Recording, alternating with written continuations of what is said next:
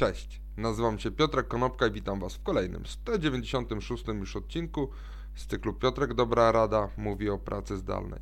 Dzisiaj powiem o pięciu elementach, które pozwolą Wam sprawnie wdrożyć KPI, czyli KPI, czyli ustalanie celów, do zarządzania pracą zdalną.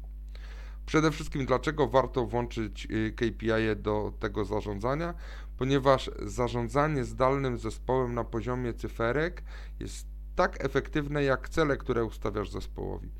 Obiektywność, jasność i planowanie długofalowe. Po to właśnie te KPI są. Zalety wdrożenia KPI-ów to przede wszystkim masz tak. Jasno określone cele i oczekiwania względem zespołu. Masz poprawioną komunikację i koordynację pracowników w swoich zespołach, w swojej firmie.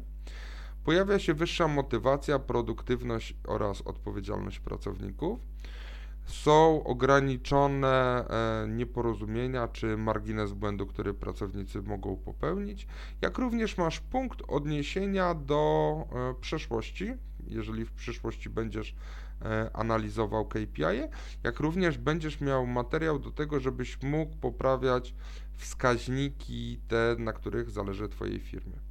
I teraz, jak to zrobić po kolei?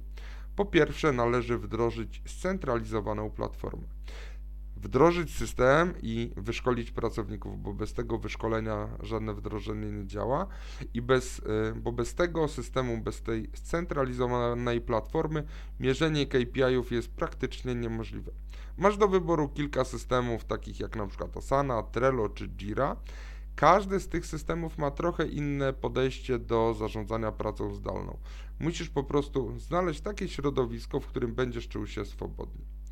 Po drugie, Pamiętaj o tym, że cele powinny być określone na przykład w metodologii czy w metodyce SMART.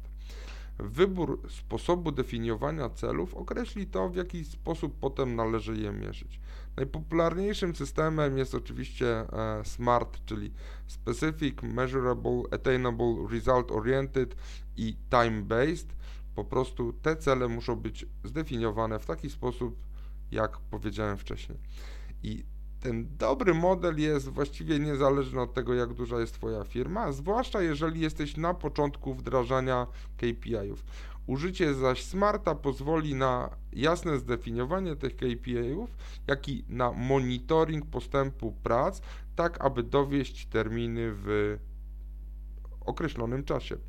Jeżeli wdrożysz te KPI i wdrożysz Smarta na platformie do pracy zdalnej, masz po prostu podstawę do zarządzania. Po trzecie, powinieneś określić kamienie milowe i cele na poziomie całej firmy. Równocześnie jasno powinieneś zrobić e, rozróżnienie między kamieniami milowymi a celami w Twojej strategii KPI-ów.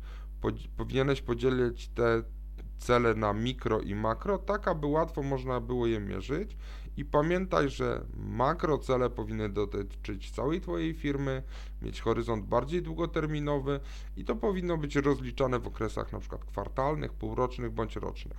Natomiast mikro cele powinny dotyczyć poszczególnych ludzi bądź poszczególnych działów i czasami e, osiąganie tych mikrocelów e, powinno automatycznie, a niekiedy ręcznie, przekładać się na realizację i monitoring postępów w realizacji makrocelów dla całej firmy.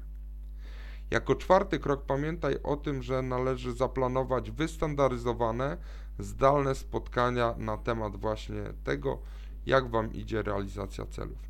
I to niezależnie od skali firmy, takie spotkania KPI-owe powinny być regularne. Będziesz mógł dokonywać przeglądu pracowników, poszczególnych działów w odniesieniu do rezultatów tego, jak sobie e, te elementy Twojej firmowej układanki e, radzą.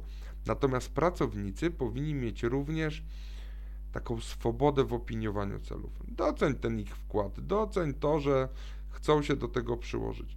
Cele można również modyfikować. To nie jest coś, co jest dane raz na zawsze. I po piąte, oceniaj to, w jaki sposób KPI zostało wdrożone na bazie zrealizowanej pracy. Dobrym sposobem na ocenę tego, czy KPI wspierają biznes, właśnie jest ocena jakości tej pracy. Jeżeli KPI powodują, że pracownicy pracują lepiej, to znaczy, że zrobiłeś dobry ruch. Jeżeli natomiast KPI powodują, że pracownikom pracuje się ciężej, trzeba coś z tym zrobić. Ich rolą jest wspieranie tych wszystkich pracowników, jak i ciebie i całej twojej firmy, a nie dyktowanie tego, w jaki sposób należy pracować. I jeszcze kilka słów o błędach. To, jakie błędy masz potencjalnie do uniknięcia, to przede wszystkim stworzysz KPI i nie będziesz ich używał. Po drugie, słabo zakomunikujesz to do pracowników.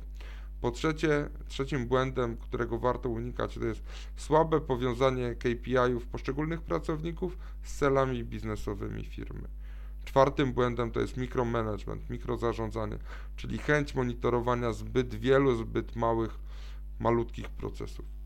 Piątym błędem to jest brak scentralizowanej platformy i szóstym to jest ślepe używanie KPI-ów bez miejsca na kreatywność, innowacyjność czy poprawki tych mierników. Także dzisiaj to było o KPI-ach, o tym jak, po co w ogóle je wdrożyć i jak można je wdrożyć. Dzięki serdeczne, do zobaczenia i usłyszenia jutro. Na razie.